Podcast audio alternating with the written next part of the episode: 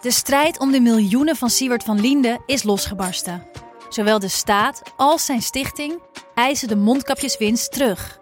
Maar dat die opbrengst in ieder geval niet thuis hoort bij Van Linde, daarover kan toch eigenlijk geen twijfel bestaan. Hoe kon het zo ver komen? Dit is het. We hebben beet. En als Siewert het geld teruggeeft, kunnen wij dit schandaal dan eindelijk loslaten?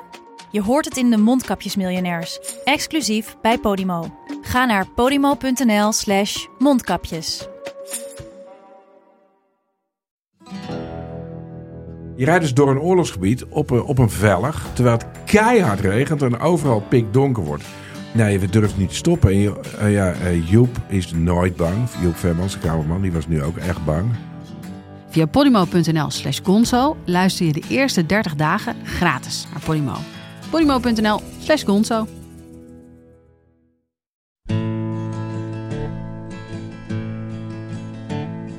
As soon as you're born, they make you feel small. U hoort wat andere muziek dan gebruikelijk is, maar dit is toch echt de wekelijkse podcast van de Groene Amsterdammer. En ik ben Kees van der Bos. By giving you no time instead of it all. A working class hero is something to be. Till the pain is so big you feel nothing at all. Het beroemde nummer van John Lennon. A working class hero is something to be. En de tekst van dit nummer slaat helemaal op de problematiek waarover we het vandaag gaan hebben. Aan tafel zit Demi Bouwmuur. Welkom Demi. Dankjewel, Kees.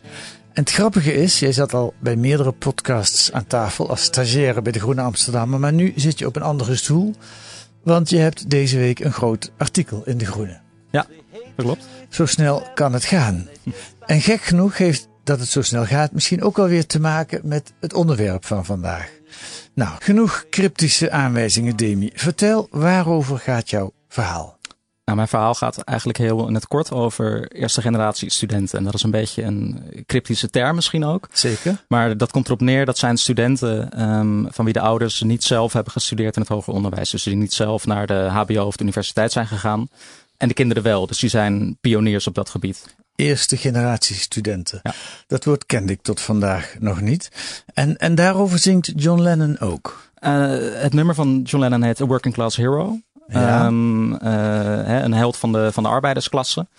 Um, uh, en uh, ja, de, de tekst van John Lennon die gaat eigenlijk over de thematiek waar ik deze week over schrijf. Daar kwam ik ook pas later eigenlijk achter. Dus dat is wel grappig. Ja, ik ook, want ik kende dat nummer natuurlijk. Ja. Maar nu begrijp ik pas voor het eerst waar het over gaat. Waar het echt over gaat. Namelijk, waar, waar gaat het over? Vertel jij het eens. Um, over, althans hoe ik het heb begrepen en waar ook mijn stuk over gaat, gaat eigenlijk over de problemen en uitdagingen waar eerste generatie studenten tegenaan lopen um, als ze eenmaal gaan studeren.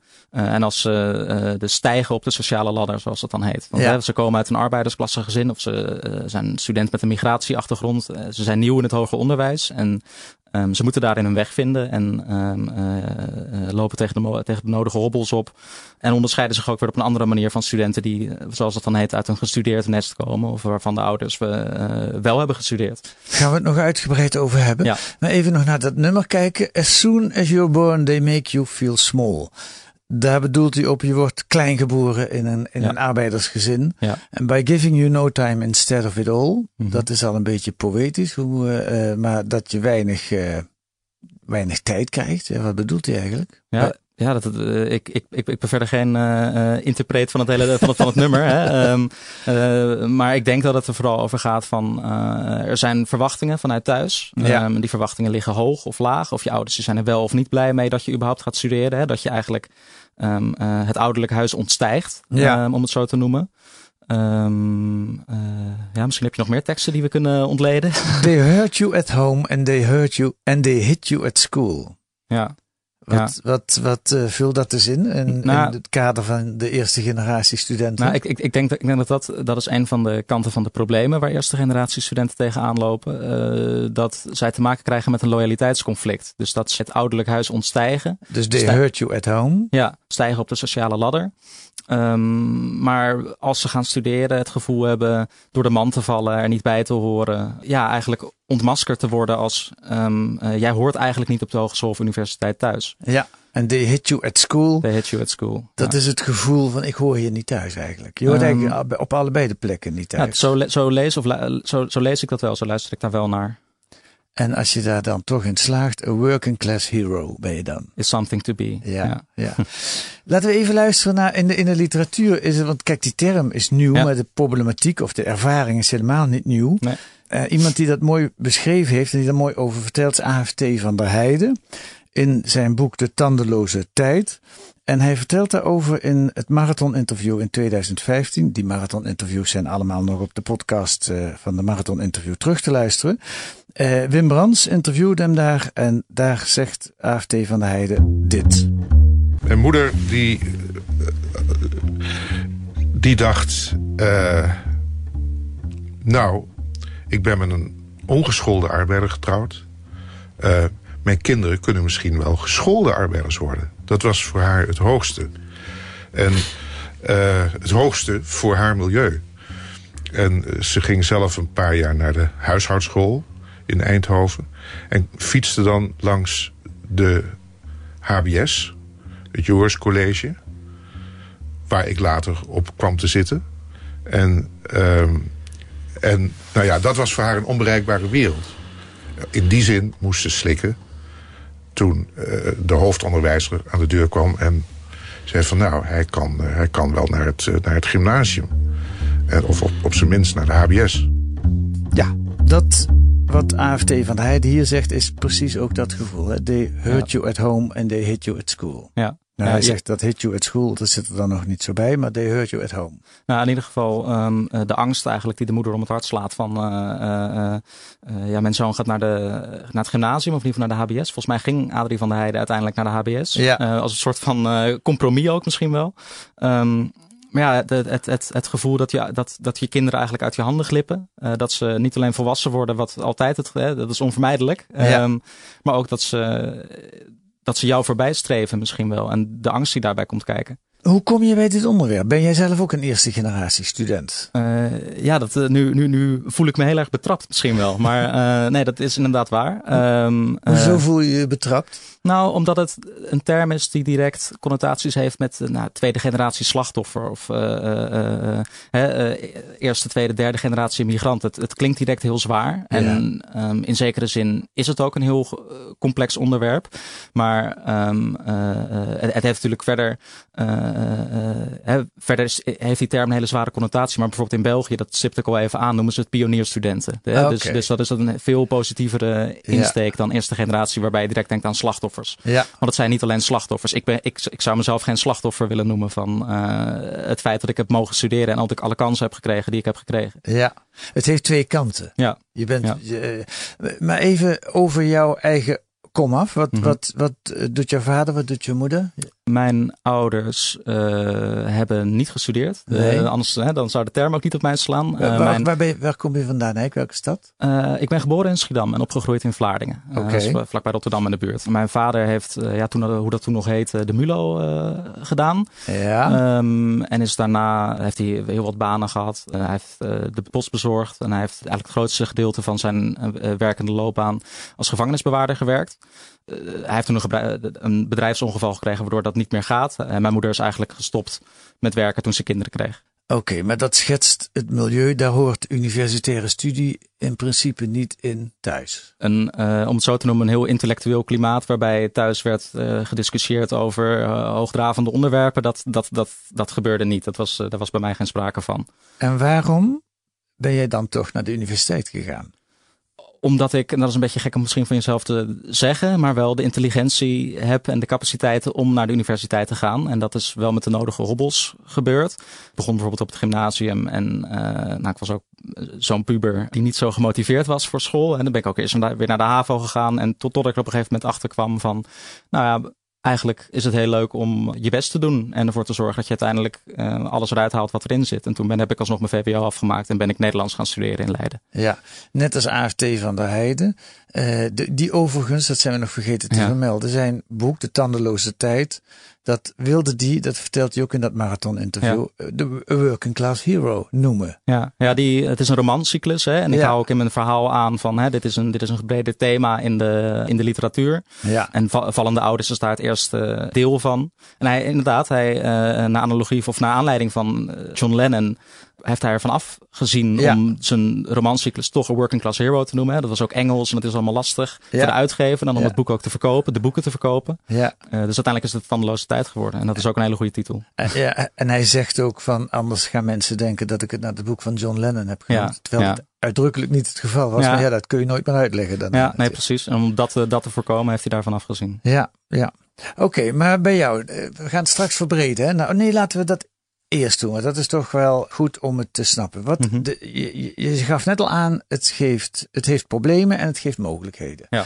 Nou, die mogelijkheden, dat ligt wel voor de hand om die te begrijpen. Je mag studeren, Mhm. je ontwikkelt je. eh, Mhm. daarom zit je nu hier, daarom loop je Mhm. stage bij de Groene. Je bent Nederlands gaan studeren Ja, in Ja, Leiden. in Leiden, ja. Ben, je- ben je nou klaar of hoe ver ben je? Eh, mijn bachelor eh, heb ik op mijn scriptie na afgerond. Dus dat, ik, ik ben ook bijna klaar met mijn stage hier bij de Groene. En dan ga ik me daar weer, meer dus op, op richten. En dan ga ik een master doen nog. Dus ik zit er nog even in. Maar voor mijn gevoel ben ik al dichter bij de uitgang dan Ja. dat ik begon aan mijn studie. Oké.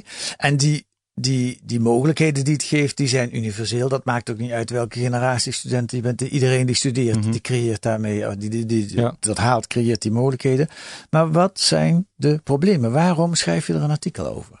Nou, omdat ik me eigenlijk, eh, eigenlijk vroeg ik mezelf af, ehm, hoe kan het nou dat de problemen of complicaties eigenlijk die ik ervaar in bijvoorbeeld omgang met vrienden of met, me- met relaties of met, met mijn ouders ook vooral eigenlijk, dat dat niet zo vlot gaat. Waar komt dat nou door? En toen zei mijn hoogleraar aan de universiteit eens van, ja, maar je, moet niet vergeten, hadden we het toen een keer over gehad, van, jij bent eerste generatie student. Dat was En de toen- eerste keer dat En jij toen, en toen dacht ik, nou, dan had ik dezelfde reactie als jij net had. eh, van, oh, wat is dat dan precies? Eh, wat is dat voor cryptische term? En toen ben ik dat gaan uitzoeken. En toen ik, eh, ik ben in november begonnen met mijn stage hier bij de Groene Amsterdammer. Ja. En toen ehm, eh, heb ik dat eigenlijk voorgesteld. Had ik al wat research gedaan, wat onderzoek gedaan. En dacht ik, nou, hier zit volgens mij een heel mooi verhaal in. Wat ook gaat over kansengelijkheid en over emancipatie. Over sociale stijging. Dat is echt een verhaal voor de Groenen. Dus dat ben ik toen, eh, mocht ik toen gaan maken. En dat Ja. heb ik gedaan. En, en die problemen die jij ervoer, er, Mhm. ervaarde, wat is het? Dat kan Ja, ik, allebei heb, geloof ik heb Nederlands gestudeerd. Ik zou het moeten weten. Maar ik, ik, ik worstel er ook altijd mee. Misschien mag het wel allebei. Die, eh, nou beschrijf die eens, wat zijn dat voor problemen? Nou, b- bijvoorbeeld het gevoel, eh, wat ik net ook al even zei, het gevoel door de man te vallen. Eh, Het gevoel door de man te vallen? Het gevoel er niet helemaal bij te horen, niet op je plek te zijn. Dat je het eigenlijk tot het moment waar het dan om gaat, dus het kan bijvoorbeeld in het eerste studiejaar zijn of in het derde studiejaar, of eh, pas later als je helemaal de arbeidsmarkt opgegaan, opgegaan bent. Ja. Ehm, dat je het gevoel hebt van, nou, eigenlijk ben ik er maar doorheen geglipt. Ik kan, ben eigenlijk helemaal niet goed genoeg om te studeren. Of ik ben eigenlijk helemaal niet goed genoeg om op het niveau te acteren waar ik, waar ik nu dat wel, wel, wel, degelijk zit.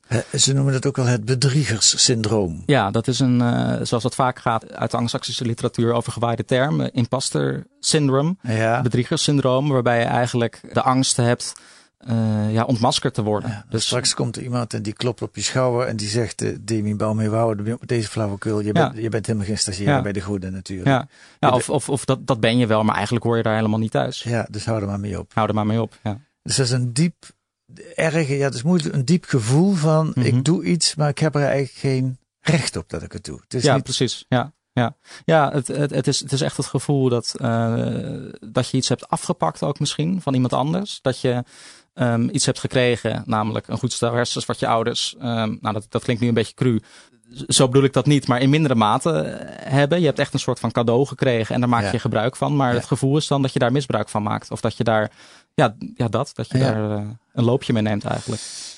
En oké, dat is één probleem. Eh, wat is, zijn er nog meer problemen aan? Nou, als je gaat studeren, dan zijn er bepaalde, zeker op de universiteit, nog meer dan in het HBO, bepaalde verwacht, normen, waarden, verwachtingen, waarvan wordt uitgegaan dat studenten die wel kennen. Maar bij eerste generatie studenten is dat heel vaak niet het geval. Bijvoorbeeld iemand in, in, mijn, in mijn stuk in de Groene van deze week, die zegt dat ook van, ja, ehm, colleges thuis voorbereiden, dat, dat hadden ze niet tegen mij gezegd. Van, eh, en dan zit je daar. En dan denk je van ja, moet ik dat nu zeggen? Moet ik nu mijn hand opsteken? Ben ik nu die domme student die moet toegeven dat hij iets niet weet of dat hij iets niet kan? Je voelt je ook- begrepen. Je voelt je ook dommer dan de, de, de anderen. Die Ja. horen er allemaal wel. Maar Ja, en dat heeft allemaal met elkaar te maken. Hè? Dat, dat bedriegerssyndroom, eh, dat, dat komt hier ook bij kijken. Ja, en daarnaast is het zo dat eerste generatie studenten ook vaak stapelaars zijn. Hè? Die, hebben, die hebben bijvoorbeeld, zo, ik, ik zelf ook, van het gymnasium naar de HAVO en naar het VWO en toch nog naar de universiteit. Ja, Dus dan doe je ook wat langer over je studie. ja. Iemand uit mijn, eh, uit mijn stuk, eh, waar, waar, waarmee ik begin, Pim, die is 29 en die is pas net afgestudeerd. Dus die heeft een hele lange weg eigenlijk afgelegd om te komen waar hij nu is. Ja, ja. En, en die. Nou, laten we eens even luisteren naar iemand. de- de- Er is ook. Het is niet zo bekend, maar het is Mhm. wel bekend. Het eerste generatie student zijn. Gusta. Gusta Tavecchio? Gusta Tavecchio. Ja, die promoveert dit voorjaar. Oh, Eh, dat ja, is het. ja, ja. Oké. Moet volgens mij nog gebeuren. Oké. En ze, eh, ze, schreef, eh, ze sprak erover in, in eh, een interview onlangs op eh, Radio 1. En daar legde ze het als volgt uit. Het is zo dat deze studenten langer doen over hun studietraject, want het zijn vaak zogenaamde stapelaars. Dus ze komen met een an- vanuit een andere richting al naar het WO, HBO of WO. Eh, ze hebben minder resources, dus dan kan je gewoon denken aan sociaal-economisch achtergesteldheid. Maar het is ook zo dat er in, eh, en dat weten we dus uit het onderzoek, in de verhalen die deze eh, studenten vertellen, is dat ze eigenlijk ook meer sociale problematiek hebben en psychosociale problematiek. Ja, goed. Stapelaars, dat geldt ook voor jou. Dat heb je Ja. net ook gezegd. Hè? Ja. Ehm, ik wil nog terug naar dat moment wat je net beschreef. Op een gegeven moment zei je, ik, ik was met een hoogleraar daarover aan het praten Mhm. en ik vertelde iets. En toen zei hij, ja, maar je moet je ook realiseren, je bent eerste generatie student. Weet je nog, wat was het wat je vertelde tegen die hoogleraar? Waarom zei hij dat? Nou, ik, ik, ik vertelde haar eh, dat eh, ehm, eh, ik heel graag toen nog stage wilde lopen bij de, bij de Volkskrant. Dat heb ik vorig jaar gedaan. Ja. Ehm, en dat, we hadden, het dus, we hadden het over diversiteit. En dat het, dat het, dat het goed is om diverse redacties, zeker in de journalistiek, is dat is tegenwoordig van belang. Want het is altijd een ondergeschoven kindje misschien wel geweest. Of nog steeds niet. Hè, redacties zijn nog steeds niet zo divers. En toen, hadden we, toen zei mijn hoogleraar, ja, maar jij bent ook iemand die een diverse achtergrond heeft. Jij bent niet, hey, diversiteit houdt niet op bij de huidskleur. ja, bij wel of geen hoofddoekje dragen of bij huidskleur. Ja, precies. Ja. Maar ja. je, je, jij bent toch. Je, maar wacht even, wat was, wat was het probleem wat je besprak met die hoogleraar? Nou, ik vroeg me af of ik eh, bij de Volkskrant zou worden aangenomen als stagiair. En Ja. ehm, omdat ik een geprivilegeerde witte man ben, zeg Ja. maar, om het zo te noemen. Ja. ja. Ehm, Ah, en toen zei hij, ja, maar. En dat, dat was zijn idee of zijn beschrijving van jou als eerste generatie student. ja, ehm, eh, zij vertelde mij. haar. Ja, ja, ja, ehm, ja, dat was haar. Ik, Ja, ja. Ook, ook alweer een, een, een val waar ik in trap. Hoogleraren kunnen ook Ja. heus wel vrouwen zijn. Dat kan tegenwoordig. Ja, Ja, ja, ja. En dat is hier ook het geval. Ja, ja. En, en zij vertelde dus, dus zij zag aan jou iets, of, of je had haar iets verteld, waardoor zij wist dat je eerste generatie student was. Ja, dat was een keer na een college en toen vertelde ze me, of toen, toen, toen vertelde ik dat zo. En toen zei ze van, oh, maar dan ben je eerste generatie student en dan eh, heb, je, heb je dat wel eens. Ja, toen ben ik dat gaan uitzoeken aan de Ja. aanleiding daarvan eigenlijk. Van dat Ja. ik ook dacht, ik liep de collegezaal uit van, oh, eh, wat interessant eigenlijk. En eh, het, is, het voelt ook wel een beetje als een label of zo. Dat je denkt van, oh, nu hoor ik bij die, bij die club. Ja, Eh, maar ik vind het bovenal heel interessant. Ook om te kijken van, hè, ehm, waar we het eerder over hadden, wat kenmerkt die groep nou? Eh, tegen wat voor hobbels lopen ze op? En herken ik daar ook iets van in mijn eigen leven? ja. Ja, Eh, we gaan even een stukje laten horen van Gusta Tavecchio, die Mhm. dus binnenkort daarop promoveert. Over nog een nadere duiding van wat de, de problematiek is, of wat ze eerste generatie studenten kunnen voelen. Voor heel veel van deze studenten geldt dus eigenlijk dat ze het gevoel hebben er niet bij te horen. Het gevoel hebben door de man te kunnen vallen, elk moment. Dat ze alsnog ontmaskerd worden van, is dit wel voor mij? Hoor ik hier wel thuis? En dat is eigenlijk de basis, of de basale vraag van, hoor ik hier thuis? Nou, dat heb je net ook al beschreven. Het grappige is, ik ben zelf ook een eerste generatie student. Ja. Zonder het te weten, dat Ja. weet ik nu ook. En daar zijn er ook heel veel van. Het is eh, iets van 300.000. Hoeveel procent van de studenten nu is het ook weer die? Ja, de tellingen eh, verschillen een beetje, maar in mijn stuk kom ik uit op eh 40% Dus dat is echt een enorm aantal eigenlijk. En er is ook heel veel eerste generatie studenten die zich daar niet van bewust zijn. Maar wat, wat, ik, wat ik grappig vond, is dat je dus denkt dat het zo'n grote groep. En Ja. die is zo divers ook binnen die, hè, zoveel diversiteit binnen die groep. Want hè, het zijn studenten uit een arbeidersklasse gezin, zeg maar even witte Nederlanders. Het zijn studenten met een migratieachtergrond. En ik sprak dus voor mijn artikel in De Groene ook met eerste generatie studenten. Want ik zat er ook nog aan te twijfelen van zal ik het dan vanuit mezelf beschrijven? Of ga ik het journalistiek aanpakken en ga ik op zoek naar studenten en teken ik die verhalen op. Dat heb je gedaan, daar heb je voor ja, gekozen. Ja, ik heb voor die laatste mogelijkheid gekozen. En toen zat ik dus tegenover een student, Amna heet zij. En nou ja, zij van de buitenkant, laat ik zo zeggen, verschilt zij misschien wel in alles van mij. Ja. Maar toen ze begon te praten en toen ik haar wat vragen stelde, bleken we zoveel gemeen te hebben dat ik echt stel achterover sloeg van, hè, maar hè, we, we, we verschillen enorm. Hoezo verschilt ze enorm? Beschrijf het er eens. Uh, ze, ze kom, is van Pakistaanse komaf. Ze, haar ouders zijn naar Nederland geëmigreerd. Ze draagt een hoofddoek. Ze is moslima. Ze is vrouw en ik ben een man. Ja, uh, veel, veel meer kun je van jou niet verschillen. Dat, nee. dat, dat dacht ik dus ook totdat, totdat je het, het, het erover hebt van ja. wat is nou eigenlijk ons verhaal? Waar, hoe zijn wij hier gekomen? Hoe zitten we hier aan tafel? Dat, dat, dat, dat, vond, dat, toen dacht ik, nou, dit, nu moet ik dit helemaal gaan maken, dit verhaal. Want zij vertelde allemaal ervaringen die ja. jij heel goed kende. Ja. Zoals het er niet bij horen. Ja. Ja. Het bedriegersgevoel. Nou, en, ook, en ook het gewoon, uh, zij had ook allemaal bijbanen. En uh, bij, de, bij de Vrije Universiteit en bij een uh, adviesbureau. En, en zo, ze was hartstikke druk. En toen dacht ik van nou, ik ben ook hartstikke druk altijd. Met stages en met mijn studie en alles wat erbij komt kijken. En echt dat gevoel dat je je extra moet bewijzen, dat zag ik ook in haar terug. Dat je, dat je tegen de verdrukking in terecht komt uiteindelijk op de plek terechtkomt waar je nu bent.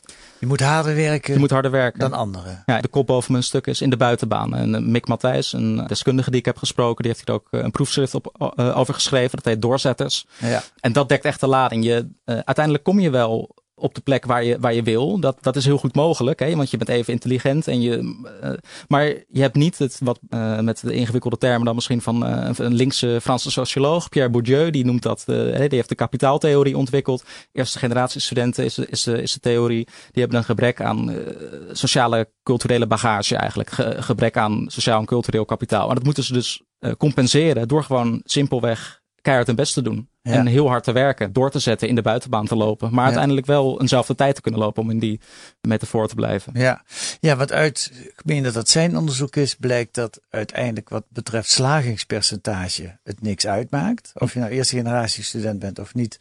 Het aantal mensen wat de studie haalt, dat verschilt niet van elkaar. Mhm. Mm -hmm. Dus het verschil zit hem in het gevoel, in de weg daar naartoe. Nou ja, um, heel vaak is de, of heel lang is de hypothese geweest dat eerste generatie studenten, los van alle sociale problematiek, ook slechtere studieprestaties ja. zouden leveren. Of ja. minder goed zouden presteren. Minder hoge, zeg maar even simpelweg, minder hoge cijfers zouden halen. Ja.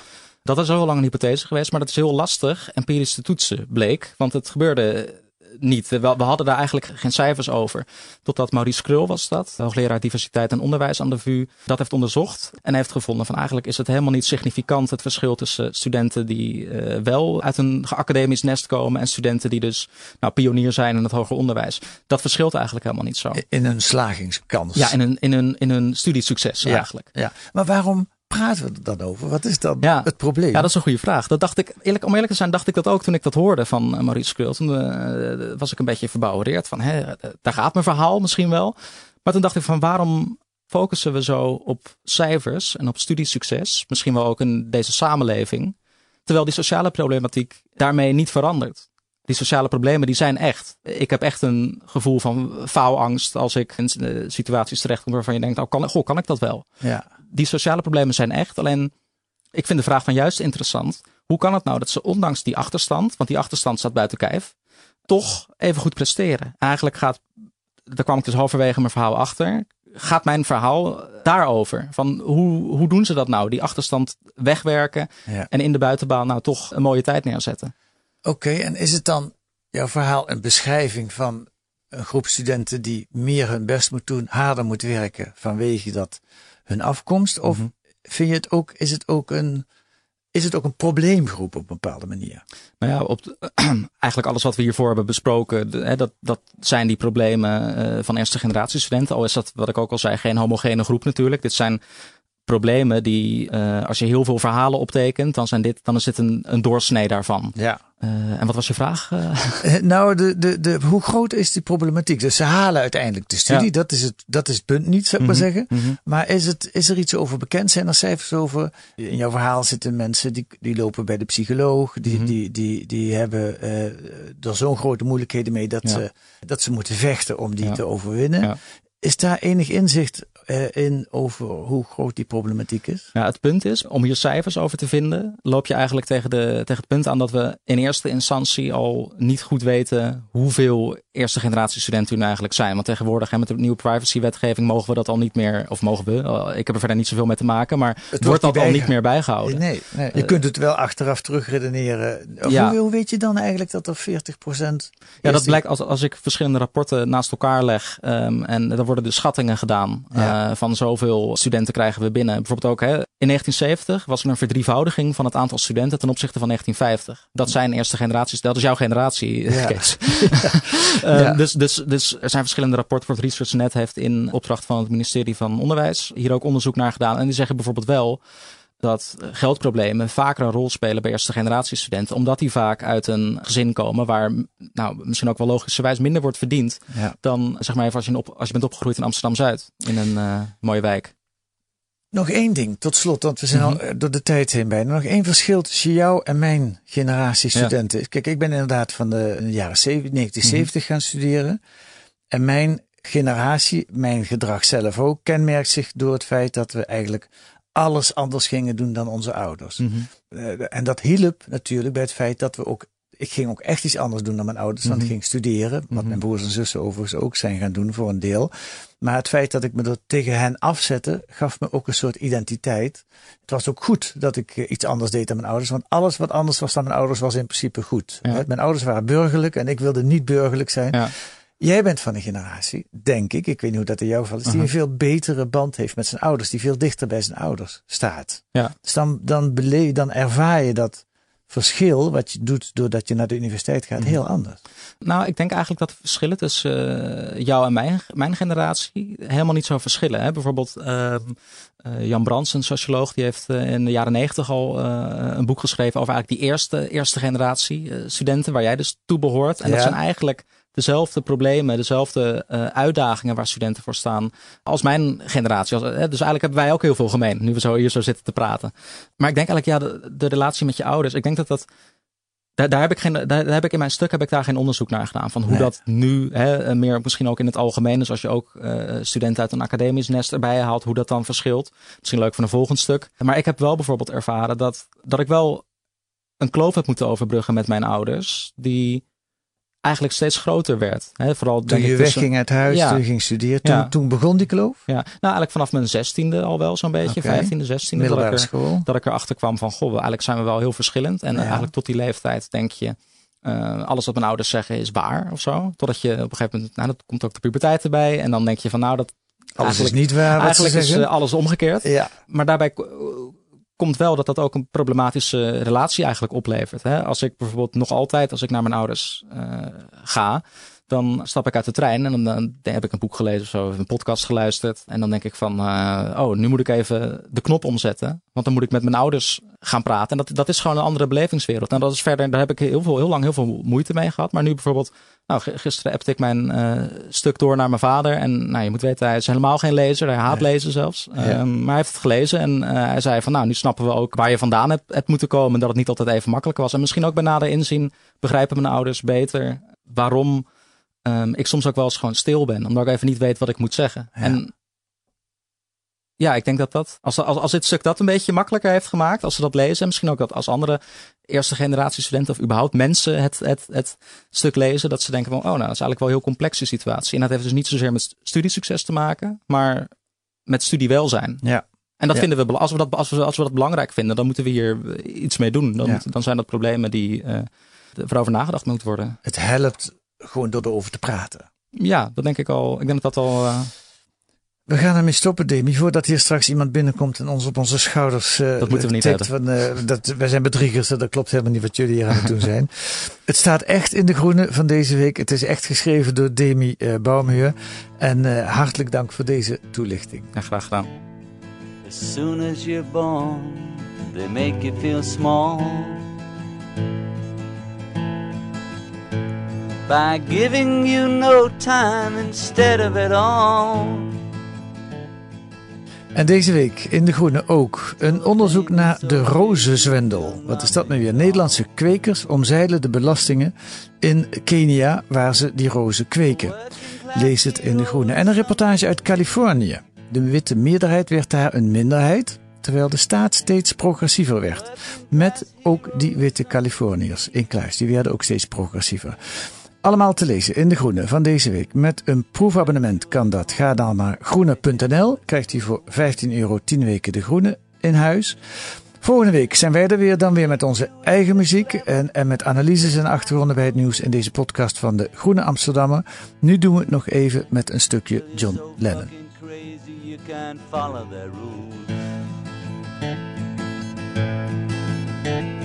A working class hero is something to be.